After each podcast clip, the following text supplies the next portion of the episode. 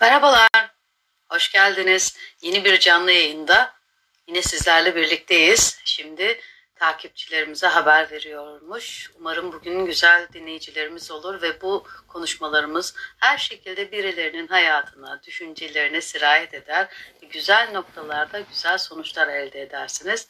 Amacımız zaten bu konuşurken, anlatırken birine dokunabiliyorsak, bir şeyler fark ediyorsa o zaman hayat değişiyor demektir.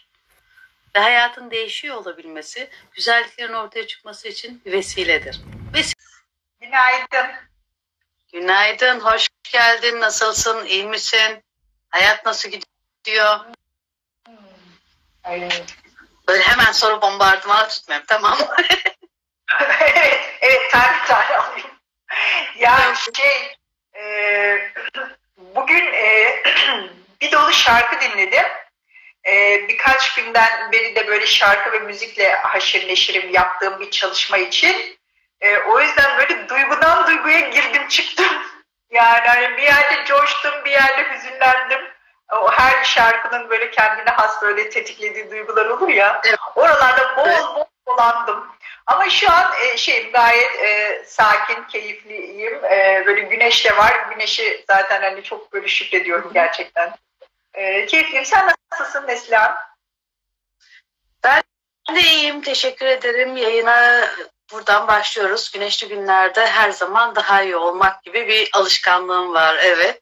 Bugün de konumuz çok güzel. Masumiyet varsayımı üzerine konuşacağız. Her insan bir zamanlar çocuktu ve o masumiyet bir yerlerde hala var diye başlayacağız diye hatırlıyorum. Senin de böyle neşeyle, keyifle yayına gelmiş olman beni özellikle mutlu etti. Sen nasıl hissediyorsun masumiyet konusunda, masumiyet varsayımı konusunda ilk duyduğunda nasıl düşünmüştün mesela? Ay dur. Ee, bir, bir dolu bir dolu bir dolu düşünce işte benim, benim bir defterim var ya biliyorsun hani yazdım çizdim vesaire. Ee, tam konuya da girmeden Ayşenur'un da burada olduğunu görüyorum. Az önce kalp falan da gönderdi. Ee, Ayşenur'u da e, çok severim. Yarın da görüşeceğiz. Ee, ona da böyle bir merhaba demek istedim. Ay ya e, senin paylaştıklarını da gördüm. Bende de yani ilk o kelimeyi duyduğumda böyle şey geliyor gözümün önüne. Hani yeni doğmuş bir bebek. Ee, böyle e, onun nefesini duyabilmek için kendi nefesimizi durdururuz ya. Yani o kadar hassas, o kadar böyle hani kırılabilir, o kadar incinebilir, o kadar narin. Yani belki o kadar güçsüz. Bunlar geliyor gözümün önüne masumiyet kelimesini duyduğumda ve e, biraz da hani hani hep şey deriz ya şiddetsiz iletişim çalışmaları bize şey yöneldi. Bunu gördüğünde, bunu duyduğunda sana neler oluyor? Yani bir bebeği gördüğünde hani senin içinde neler uyanıyor? Mesela bende böyle şey yani çok yoğun bir sevgi hali oluyor. Çok yoğun böyle bir koruma hali, oraya doğru yaklaşma hali oluyor. Ve e, özellikle bu çalışmaya bugün buraya gelmeden önce e, döndürürken zihnimde e, şeye aydım. Ya masumiyete görmeye benim ihtiyacım var. İçimde sevgi tohumlarını yeşertebilmem için. İşte içimdeki şefkati görebilmem için.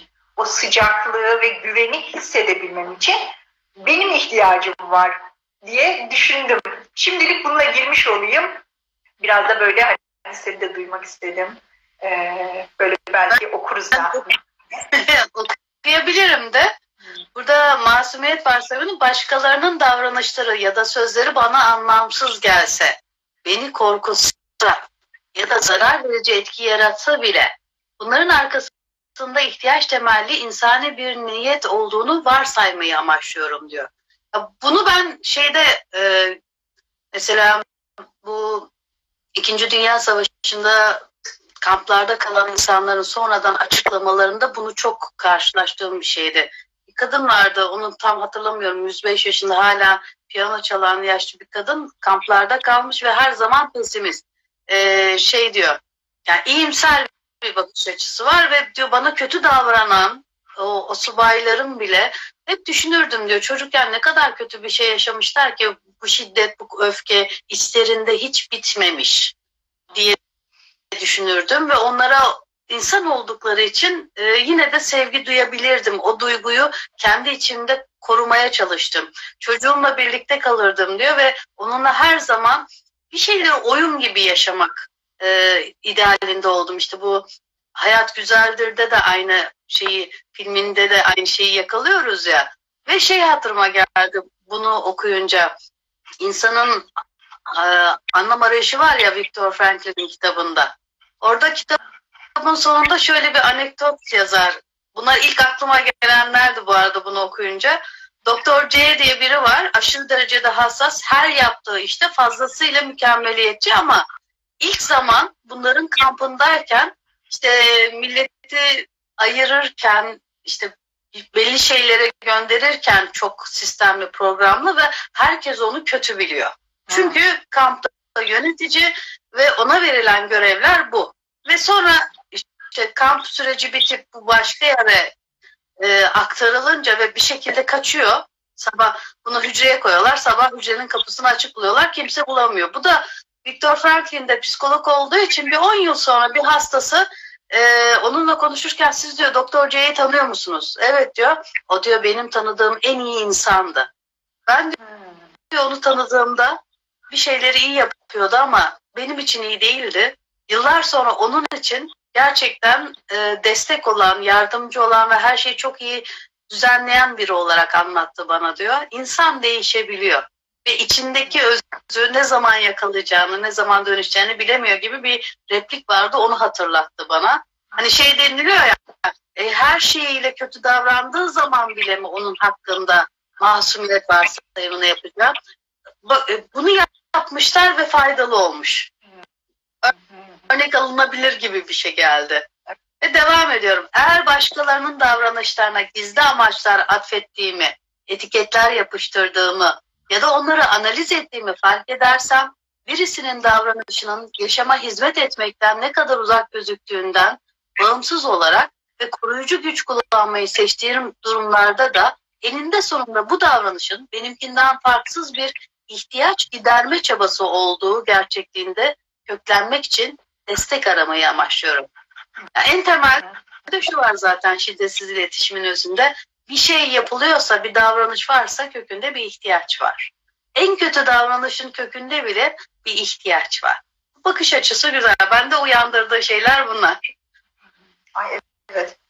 Ya aslında ben de mesela hani şu ilk giriş cümlesini bile duyduğumda ya da okuduğumda işte başkalarının davranışları beni korkutsa bile, bana anlamsız gelse bile ya da bana zarar verici etki uyandırsa bile cümlesini duyduğumda benim de aklıma böyle şeyler geliyor. İşte uyuşturucu baronları geliyor. Hı. Ya da işte senin dediğin o toplama kampında e, hani esir düşmüş insanlara zulmeden kişilerin görüntüleri, o, o askerler geliyor. Ya da böyle şey geliyor yani çok çok eski dönemlerde hani okuruz ya kitaplarda mesela işte Küba'daki toprak ağlarının işte şeker e, kamışı hasadı yapan işçilere tavrı geliyor.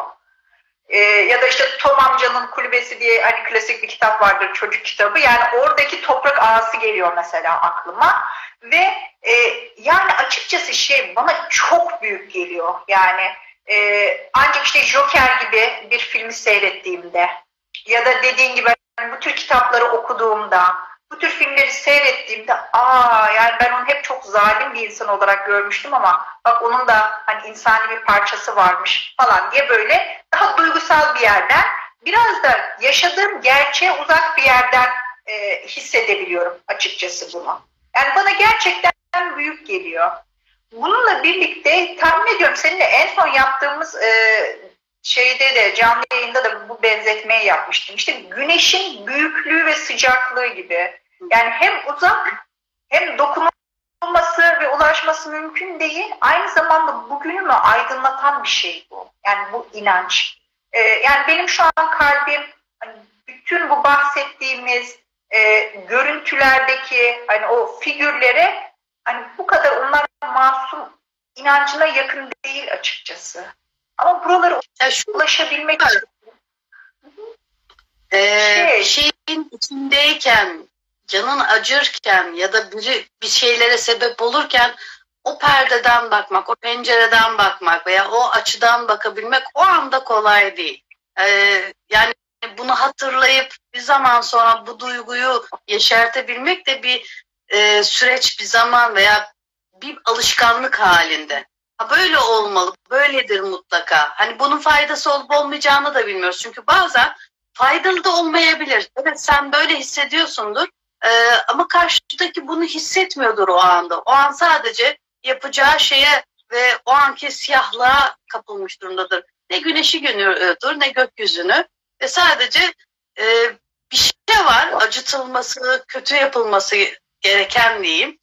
Onun yapılması üzerine hani savaş zamanlarında bir e, emir alıyorsun ve emiri düşünmüyorsun. Karşı tarafın insan olduğunu da düşünmüyorsun o esnada. Sadece bir emir var, bir görev var, o yapılacak. Ki savaş sonrası yapılan birçok mahkemede sorulduğunda o kişilere ki onlar da insan bize bir görev verildi ve biz o görevi yaptık. Diyor siz insansınız hiç mi düşünmeniz? Bize bir görev verildi biz sadece onu yaptık. Çünkü tutunduğu dayanak bu. Evet. Evet. Şimdi muhtemelen o da kendini güçsüz ve etkisiz hissediyordu belki de. Ya da e, kendisi yapmadığı zaman e, o muamelelere maruz kalacak e, korkusunu taşıyordu. Yani aslında hani kendini, kendi canını, belki kendi ailesini korumak gibi dertleri vardı. Yani. Muhtemelen. Evet. Şimdi e, hani bu e, inanış hani benim için dediğim gibi uzaktaki güneş. Hı. Ama bugünümü aydınlatmasını da istiyorum ben. O yüzden ben mesela bu e, metinlerdeki hani şu başkaları kısmı var ya kendim için böyle küçük bir lokmaya böldüm. Nasıl yani böyle koca bir e, pastayı bir anda bitiremeyiz, dilimleriz falan. Evet. Böyle küçük bir lokmaya böldüm. O başkalarının kısmını böyle tarihteki çok büyük acılar, e, acı senaryoların içerisinde yer alan figürleri dahil etmediğim, bugün gerçekten güvendiğim 3-5 kişiyi koydum onların içine. Mesela bir tanesi oğlum, bir tanesi eşim, bir tanesi annem, bir tanesi kardeşim. Şimdi bu metni bazen ben şöyle okuyorum. Oğlumun e, herhangi bir davranışı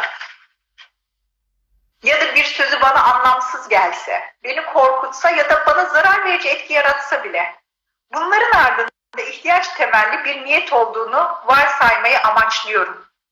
La başlatıyorum. Ve o zaman şunu fark ettim Neslihan. Aslında işte 8 yaşındaki oğluma karşı bile bazen onu analiz etmeye yönelik, işte onun kişiliğini analiz etmeye yönelik, e, böyle değişik amaçlar hani atfettiğimi fark ediyorum içinde. Mesela şunu duydun mu? Ben bir arkadaşım e, bebeğini emzirirken duymuştum kendisinden. Böyle onu da suçlayan bir yerden söylemiyorum, paylaşmıyorum bunu. Hani hepimizin içerisinde var olduğuna inanıyorum. Hani bu düşüncelerin. Bebeğini emziriyordu ve 5 aylıktı o dönemde bebeği. Dedi ki bak 5 aylık çocuk bile seni parmağında oynatmayı biliyor. İşte ağlıyor dedi. Mesela daha fazla memeye alabilmek için. Yani bu mesela belki e, işte hani herkes 5 aylık bebeğe demez ama şunu diyebiliriz yani. 13 yaşındaki daha böyle ergenlikteki bir çocuk için diyebiliriz bunu. Ya da işte e, ne bileyim belki hani ilkokul 3. sınıfa giden bir çocuk için de diyebiliriz. Yani onun çocuk olduğunu unutabiliriz. Ve hani ikinci paragrafta yazan hani o davranışlara ardına böyle gizli amaçlar atfetmek, etiketler yapıştırmak, işte o zaten çok sinsidir, çok işlem pazarlıklıdır. Annesi de böyle, ailesi de böyle falan gibi. Bunlar var ya. Yapabiliyoruz. Bak bütün bunlar bak dış dünyayı bırak sadece üç kişi al yani. Hani en sevdiğin, kendi doğurduğun, kendi yetiştirdiğin çocukları al. Bunları yaptığımız, düşman imgesi haline döndürdüğümüz anlar oluyor. Yani ben kimsenin bundan muaf olduğunu düşünmüyorum. İşte buralarda şunu diyebilirim. Yani benim hani güvenle ilgili hiçbir problemim olmadığı çocuğumun bile yaptığı bir davranışın altındaki ihtiyacın ne olduğunu görmediğim zamanlarda kendimi cezalandırmak isterken bulabiliyorum onu. İşte buraları fark etmek çok anlamlı geliyor bana. Hani böyle büyük katilleri, uyuşturucu baronlarını işte çok doğru söyledin. Düşünmeye gerek yok yani. Şeyi fark etmek, hani düşman imgesi e, kavramı vardır şiddet iletişim çalışmalarında. Düşman imgesini dönüştürmek çalışmaları yaparız mesela. bazen yani 5 yaşındaki çocuğumun düşman imgesi haline getirip onun beni kullandığına, işte beni manipüle ettiğine dair senaryolarımı o kadar büyütüyorum ki aslında hani çocuğun orada hani kendini ifade etme ihtiyacı olduğunu göremiyor gözlerim. İşte bu metinleri okumak bana bu anlamda iyi geliyor. Umuyorum kendi ailemde hani o üç kişilik çemberim dediğim üç kişilik başkalarında kendime yaklaşabilirsem ve o güven duygusunu besleyebilirsem onu o üç kişi on kişi yapabilirim. Arkadaşlarımı dahil ederim, komşularımı dahil ederim. İşte çocuğumun öğretmenlerini, koçunu vesairesini dahil ederim.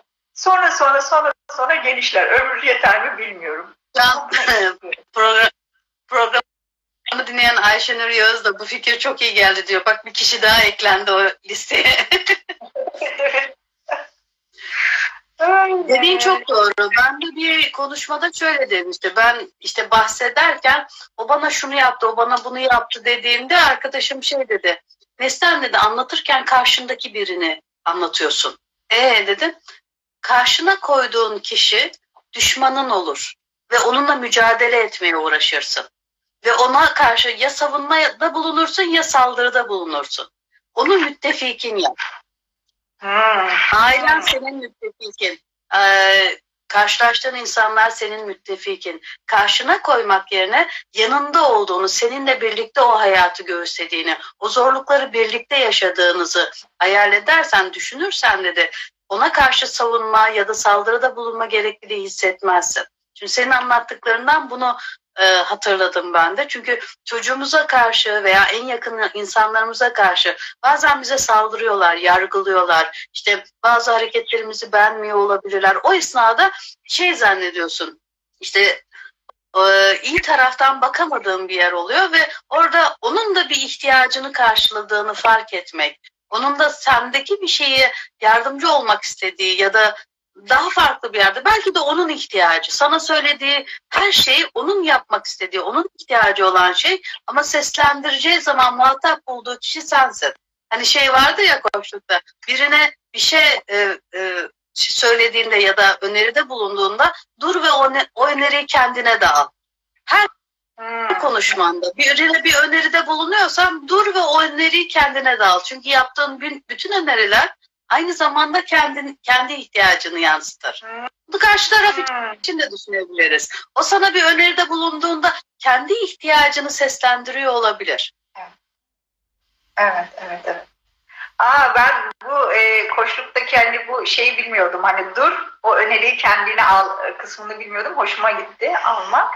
E, şimdi şey aklıma geldi. Ya bu arada şu şey koşlukta öneri vermek yok. Sadece sonda değerlendirme yapıyorsun ve kişi isterse e, duymak isterse bazı şeyleri söylüyorsun. Koştuk sürecinde sadece dinleme ve sorular var. Onu da hemen belirteyim. tamam yok yok çok iyi yaptım. Çünkü yan, bilmiyorum ben koçluk e, çalışmalarına çok hakim değilim. E, bu hoşuma gitti. Yani şayet çalışmanın sonunda gibi anladım. E, isterse karşı taraf sen öneri sunuyorken e, şöyle bir şeyimiz varmış yani bir uyanık olma hali, uyanıklığa davet, dur, verdiğin öneriyi kendine de al. Çünkü o öneri senin ihtiyacınla da ilgili olabilir diye. Evet. Tamam. Ay güzel. Zenginleşiyorum böyle konuştukça, sohbet ettikçe. Çok seviyorum bu hali. şey, e, sen hani az önce bu saldırıyor kelimeleri işte o, o kişinin ihtiyacıyla ilgilidir diyorsun ya, dedin ya e, şeye de geldim. Şimdi bizim verdiğimiz her tepkinin altında da e, bunları yok saymak yerine bunun altındaki ihtiyaca da bakalım e, daveti var ya şiddet iletişimde. E, mesela bende de yani o beni manipüle ediyor, bana saldırıyor dediğimde ya da e, yani onu düşmanlaştırırken acaba benim ihtiyacım ne olabilir diye düşündüğümde şunu görüyorum çoğunlukla kendimi korumak. Evet.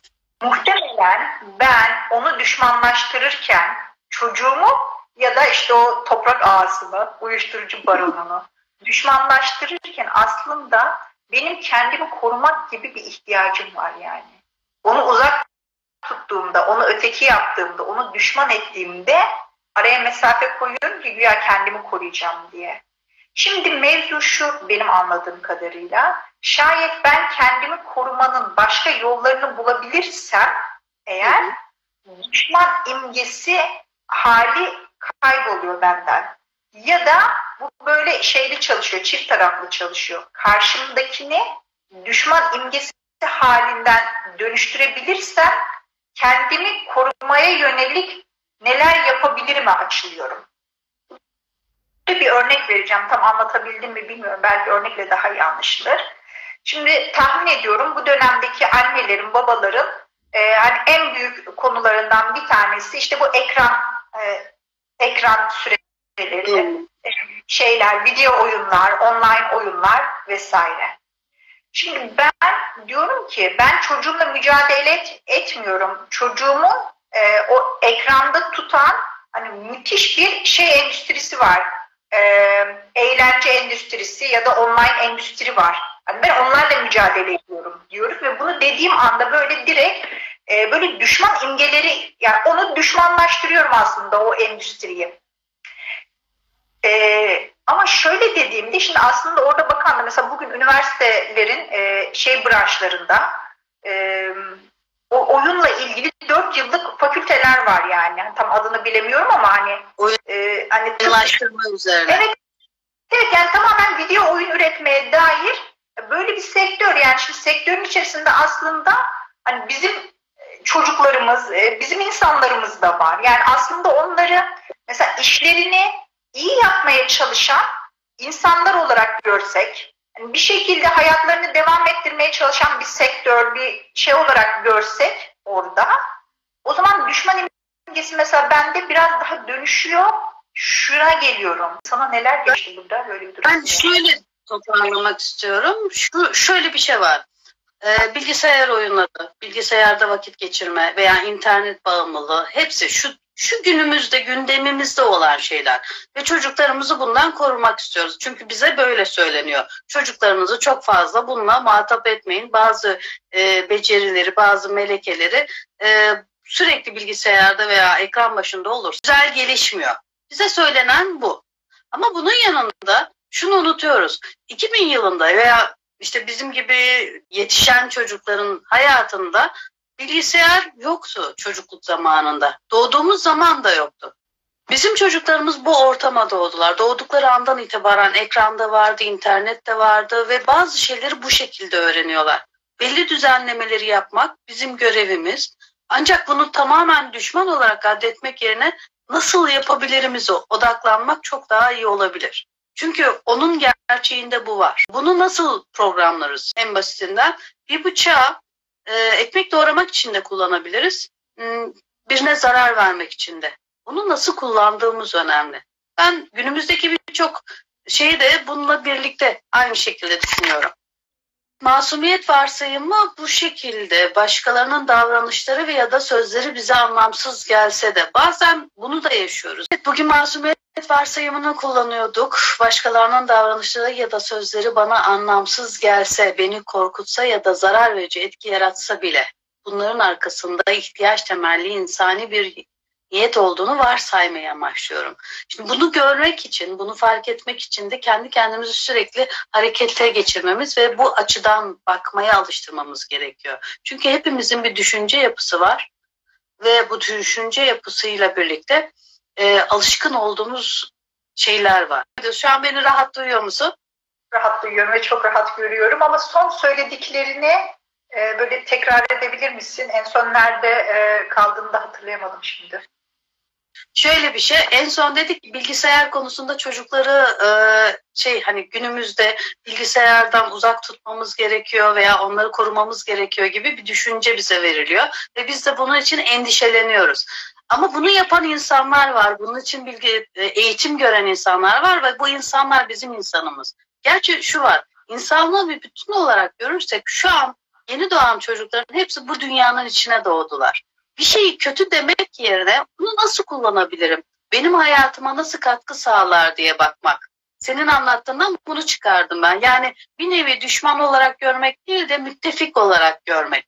Ve biraz da şuna benziyor. Hani bıçak hepimizin kullandığı bir şey. Ekmek de doğrayabiliriz. Birine zarar da verebiliriz. Bazen bilgisayar oyunları veya bilgisayar sürecinde de aynı şey geçerli. Oradan çok fazla bilgi de alabiliriz. Ama gereksiz bilgiyi alıp vitaminsiz de kalabiliriz ve kendimize zarar da verebiliriz. Bir hikaye vardır bilirsin. Avustralya'nın ilk keşfedecekler iki arkadaş karar veriyorlar. Bir uçtan başlayıp öbür uca kadar gidecekler. Ortada çöl de var. İşte o zamanın develerini falan getiriyorlar birinci dünya Hindistan'dan şeyden falan. Hepsini Avustralya'ya bir şey gemiyle getiriyorlar. Bunlar bizim ihtiyacımız. Çok uzun bir yolculuğa çıkıp Avustralya'nın haritasını çıkaracağız diye. Ee, her şey hazır. İşte kervan hazır, düzenleme hazır falan. Yola çıkıyorlar. Bir gün, iki gün, üç gün derken bir şey oluyor ve e, kervan saldırıya uğruyor. Develer kaçıyor. E, ortada kalıyorlar. Adamlar gidiyor ve bunların ikisi kalıyor. İkisi yine de devam ediyorlar ve bu arada günlük tutuyorlar. Yolun tam ortasındalar. O esnada aborjinlerle karşılaşıyorlar. İşte Avustralya'nın yerli kabilesiyle ve bu e, onlardan biri birlikte devam edebiliriz diyorlar. Oradaki otları karıştırdan toplayarak ekmek yapmayı gösteriyor bunlara. Ama ekmek yaparken hamurun bir yerinde adam yerden bir toz alıyor ve üstüne sepeliyor hamurun ve onunla birlikte kar, karıyor.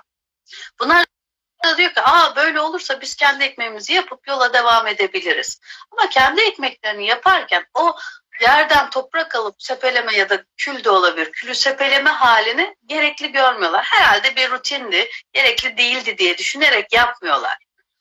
Her sefer ekmeklerini yapıyorlar, sonuna kadar gitmeye uğraşıyorlar ama son zamanda vitaminsizlikten ölüyorlar. Yap Hmm. Yapılan araştırmada şu çıkıyor. Hani o aborjin yerlisinin yerden alıp sepelediği şey var ya o bitkiyle yapılan ekmeğin içinde vitaminleri e, çeken ve onların da vücuttan atılmasını sağlayan bir özellik varmış. O toprak o özelliği bertaraf ediyormuş. Kullanılmasını engelliyormuş. Onu yaptıkları zaman vitamin de alabiliyorlar ama yapmadıkları zaman toklar, tamamen toklar ama vitaminsizlikten ölüyorlar. Şu anda biz bilgisayarla bazen bunu yaşıyoruz. Bir sürü bilgi alıyoruz. Her yere ulaşabilir durumdayız. Ama ne istediğimizi veya neye ihtiyaç duyduğumuzu doğru bilgiye ulaşmayı bilmediğimiz için tokuz ama vitaminsiziz. Çocuklarımızda da bu geçerli. Bunu fark edersek onları doyuracak, vitamin verecek şeyleri, o sepelemeyi de yaparsak her şey çok daha güzel olabilir. Burada kaldığımızı hatırlıyorum. Böyle de toparladım. Sence nasıl? şey o hikaye de değişik geldi bana. Ee, dedim yani beslendiğim bir alan burası. Ee, burada hani biraz da kendi hmm, böyle yoğunlaşmak istediğim şey hani kendi enerjimi hani içsel farkındalığımı nereye çeviriyor burası? Yani ben de mesela bir şeyi düşman imgesi haline getirdiğimde e, gücümü bırakıyorum gibi algılıyorum kendi açımdan. Yani işte hani bu böyle olmamalı, bunun böyle yapılmaması lazım. Bu yanlış dediğim yerlerden dikkatim oraya gidiyor çok fazlaca. Ee, yani gerçekten kendimi nasıl koruyabilirimi çözemiyorum, bulamıyorum. Ee, kendimi koruma yöntemim şikayet etmek ya da bu böyle olmamalı dediğim bir yer oluyor. Mesela senin şu bıçak örneğini sevdim. Ee, böyle bana şey gibi de geliyor. Mesela taş, yani taş sert ya. Mesela ben taşı yani işte bu taş çok sert e, beni yaralayabilir e, işte hani bedenime zarar verebilir bu böyle olmamalı diye düşündüğümde e, onu yani bir şekilde düşmanlaştırdığımda diyeyim e, kendimi korumaya enerjim kalmıyor yani. yani zihnim onun öyle olmaması gerektiğiyle dolu oluyor. Bu sefer kendimi korumak ihtiyacım için neler yapabilirimi e, şey yapamıyorum. Hani düşünemiyorum yani. Ne zaman ki hani onun öyle olduğunu yani hani düşman değil ama sadece öyle yani sadece bana zarar verebilir ve ben kendimi korumak istiyorum korumalıyım noktasında kaldığımda hani enerjimi gerçekten başka şeylere odaklayabiliyorum ee, buralardaydım yani şimdi böyle söyleyebilirim şu, şunu duyuyorum senden. Hani bir şeyi düşmanlaştırdığımız zaman gücümüzü de bırakıyoruz. Hı hı. Çünkü oradaki e, ihtiyacı görmekten uzaklaşıyoruz. Karşı tarafın da bir ihtiyacı var. Karşı tarafın bir doğalı var. Yetişme şekli, oraya geliş hali. Yani kendi yetiştirdiğimiz çocuğun bile bazı şeyleri biz harika yaptığımızı düşünsek bile onun nasıl algıladığını, içinde nasıl bir dünyada yaşadığını bazen bilemeyebiliyoruz. Dolayısıyla oradaki yargılama, onu uzaklaştırma yerine yakını alma ve bütün olma. O da bir insan, sen de bir insansın. Taşın doğal yapısı taş olmak. Ve o haliyle faydalı. Yani bir şeyi olduğundan başka bir hale getirmek yerine olma halini kabul etmek. Onun var olduğunu, onun o halde olduğunu. Hani ötekileştirmek, karşıya koymak, düşmanlaştırmak adına ne dersek diyelim. Onunla ilgili zihnimizdeki pencere nereden bakıyor? Onu fark edip değiştirmeye veya onun da bir bütün olduğunu veya masum olabileceği alanı gördüğümüz zaman onunla ilgili şefkat ve sevgi tarafına da bakabiliyoruz diye anlıyorum. Ve evet, evet. kendimizde de ona kapı açmış oluyoruz. evet. Bir de e, şimdi şey biliyorum zaman azaldı değil mi? 10 dakikamız var evet var. Evet. Bu metinde geçen koruyucu güç kavramı da var. Böyle ben hani tekrar e, böyle oraya da değinmek isterim. Yani oraya da değinmeden e, kapatmak istemem burayı. Tamam. E, hani daha en başında e, bahsetmiştim. E, karşımdaki kişinin davranışlarına ya da sözlerine böyle anlam veremediğimde ya da bana zarar verici bir etkisi olduğunda bir şekilde onu etiketlemeye, analiz etmeye ya da onu ötekileştirmeye dair hani bir şey olabiliyor içinde. Aynı zamanda hani sadece etiketlemeyle de kalmayıp bazen böyle cezalandırma enerjisi de hissediyorum. Ee, evet. Yani bu böyle olmamalı deyip olmasın diye kendimi korumak için aslında ya da sevdiklerimi korumak için hani bir şekilde cezalandırma enerjisi hissediyorum. İşte hani burada koruyucu güç kavramında da şey diyor yani o kişinin yaptığı davranışın yaşama hizmet etmekten ne kadar uzak gözüktüğünden bağımsız koruyucu güç kullanmayı seçtiğim durumlarda da yani eninde sonunda o kişinin de insanlığıyla buluşmak gibi bir şey var ya hani gene çok büyük yerlere gitmeyelim. Mesela koruyucu güç kullanıyorum dediğim yerleri böyle bir hatırlayalım. İşte koruyucu güç yani gerçekten birinin can sağlığını, esenliğini e, hani korumak için müdahale ettiğim yerler. Mesela bazen şey etiketleri olur. İşte çocuğumuzu korumak için kendi sınıf arkadaşına şey diyebiliriz bazen. Zorba. Çocuğuma zorbalık yapıyor. O bir zorba. Evet. Diyebiliriz. Evet. Ya da kendi çocuğumuz için bazen şey etiketini yapıştırabiliriz. Ee, hani ihtiyacı e, şey demişse çocuğum bana ya çekilip gider misin anne falan diye böyle kapıyı çarpmışsa hani onu şöyle etiketleyebilirim belki ergen böyle bunun kafası karışık falan diye etiketleyebilirim. Yani. Ya da e, mesela bunu çok fazlaca duyuyorum. Yani YouTube'da hani şudur budur böyle şey yani etiketlemelerden bir tanesini. Narsist. Yani birini narsist olarak etiketlemek. Ya da birini hasta olarak etiketlemek. Ya da mesela şey diye de olabilir. E, politikacı bunlar. Hani yani politikacılara güven olmaz gibi şeyler de olabilir ya. Yani aslında bunların hepsinin altında bir şekilde korunma ihtiyacının olduğunu düşünüyorum. Ve bunları yaparken de eğer bir şekilde öyle olmaması gerektiğine dair inançlarımı hani fark ettiğimde Hani orada gerçekten kendimi nasıl koruyabilirim? Kendi değerlerimi hani nasıl ifade edebilirime yoğunlaşmak istiyorum. Oradaki koruyucu güç kavramını hani çok özellikle altını çizmek istedim. Ne zaman ki içimde böyle ya Taksim'de sallandıracaksın şunları ki yani ibreti aleme böyle şey olacak hani aleme ibret olacak enerjisini hissettiğim anda orada gerçekten kendime dönebilmeyi çok anlamlı buluyorum ben gerçekten ben çocuğumun sınıf arkadaşına zorba derken içimde o çocuğa karşı bir şefkat var mı? Yoksa pürü park sadece kendi çocuğumu e, savunmak, korumak mı istiyorum? Mesela bu ayrımların çok kritik, hassas Aynı zamanda çok da emek isteyen yerler olduğunu düşünüyorum. Hani burayı da böyle paylaşmak istedim. Çok önemli noktalar ama. Yani günlük hayatın içerisinde nerede duruyorsun? Neyi daha fazla hissediyorsun? Sürekli bir karşı tarafı etiketleme, bir savunma, korku halinde misin? Yoksa e, aslında herkesin bunun yapabilir olduğu, onun da bir şeylere ihtiyacı olduğu için bu şekilde davrandığı konusuna açık olmak. Yani etiketlemek ve birilerini bir kılıflara koymak bizim çok çok yaptığımız bir alışkanlık diye duyuyorum.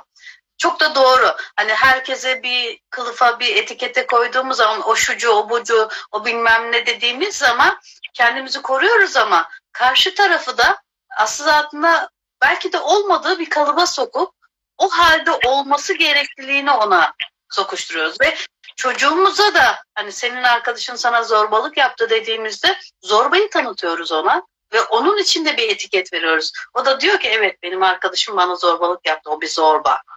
Ama ben belki iki gün sonra aynı davranışı kendi uygulayacak.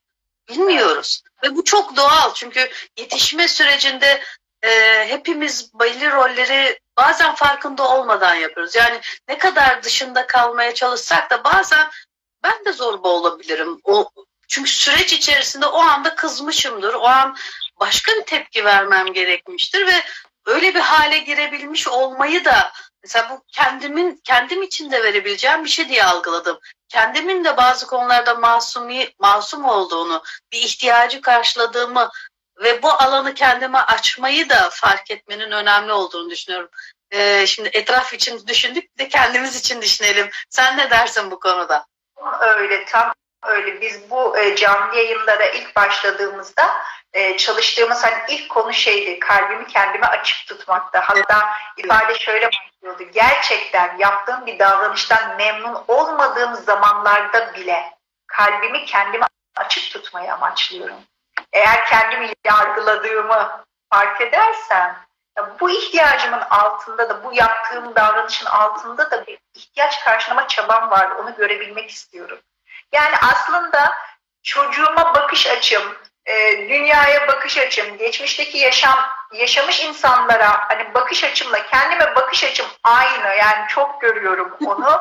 e kendime nasıl görüyorsam, kendime nasıl davranıyorsam bir şekilde çocuğumun sınıf arkadaşına da öyle davranıyorum. Yani bu başlığı Bir şey yaptı. Ah kendim diye. ah kendim evet gerçekten. Bu e, son iki hafta, son iki seferdir diyeyim. Yaptığımız e, sohbetlerin genel başlığı aslında başkalarıyla olan ilişkim diye. Ama ben bunu görüyorum ki her seferinde şuraya geliyorum. Başkalarıyla olan ilişkim bile olmuş olsa konu dönüyor dolaşıyor dönüyor dolaşıyor bana çıkıyor. Öyle diyeyim Öyle de kapatayım Neslihan. Çok teşekkür ederim ya ev sahipliğin için, davetin için. Çok sağ ol. Ben teşekkür ederim katılımın için. Bizi bu sohbette zenginleştirdiğin için öyle diyeyim. Ben çok keyif alıyorum çünkü seninle her konuşmamda. Bu e, taahhütler devam ediyor. Sekizdeyiz daha bayağı bir yolculuğumuz var. İki haftada bir seninle burada buluşmak e, benim için çok keyifli, çok güzel. Sana da şiddetsiz iletişim yolculuğunda başarılar diliyorum. E, Empati Çemberleri sayfasından Güner'in yaptığı etkinlikleri işte salı e, günleri ve perşembe günleri onların kendi toplanma süreçleri var. Şiddetsiz iletişimin farklı pencerelerini anlatmaya ve paylaşmaya devam ediyorlar. Bunu da buradan iletmiş olalım. Yeni program Ocak ayında başlıyor. Ona da katılım gösterilebilir. Yani hayatımıza bir şekilde şiddetsiz iletişimi, şefkatli iletişimi ya da barış dilini artık çok farklı isimleri var ama iyi bir yerden bakmak diyelim, geniş bakabilmek, e, paylaşımcı olabilmek bizim için faydalı. Ben mesela bu alana girdiğimden beri bazı şeyleri çok daha rahat e, ilerletebildiğimi, düşünce yapısını yavaş yavaş e, sakinleştirebildiğimi keşfediyorum. Bu da seninle yaptığımız konuşmaların da bununla bayağı etkisi var. Çok teşekkür ediyorum. İki hafta sonra tekrar görüşmek üzere. O zaman da empatik mevcudiyet. Evet, empatiye geliyoruz. Bakalım neler konuşacağız. Süreç ne getirecek bize? Keyifli bir iki hafta diliyorum. Keyfimiz, keşfimiz, algımız açık olsun. Düşman dediğimiz herkesi de bir düşünün. O da bir insan. Acaba neyi hissediyor? Neye ihtiyacı var? Buradan bir bakalım. Neyi hissettirdiniz? Teşekkürler diyor Ayşe Nur. Biz de teşekkür ediyoruz bizimle birlikte olduğun için. Sağlıcakla, keyifli zamanlar herkese.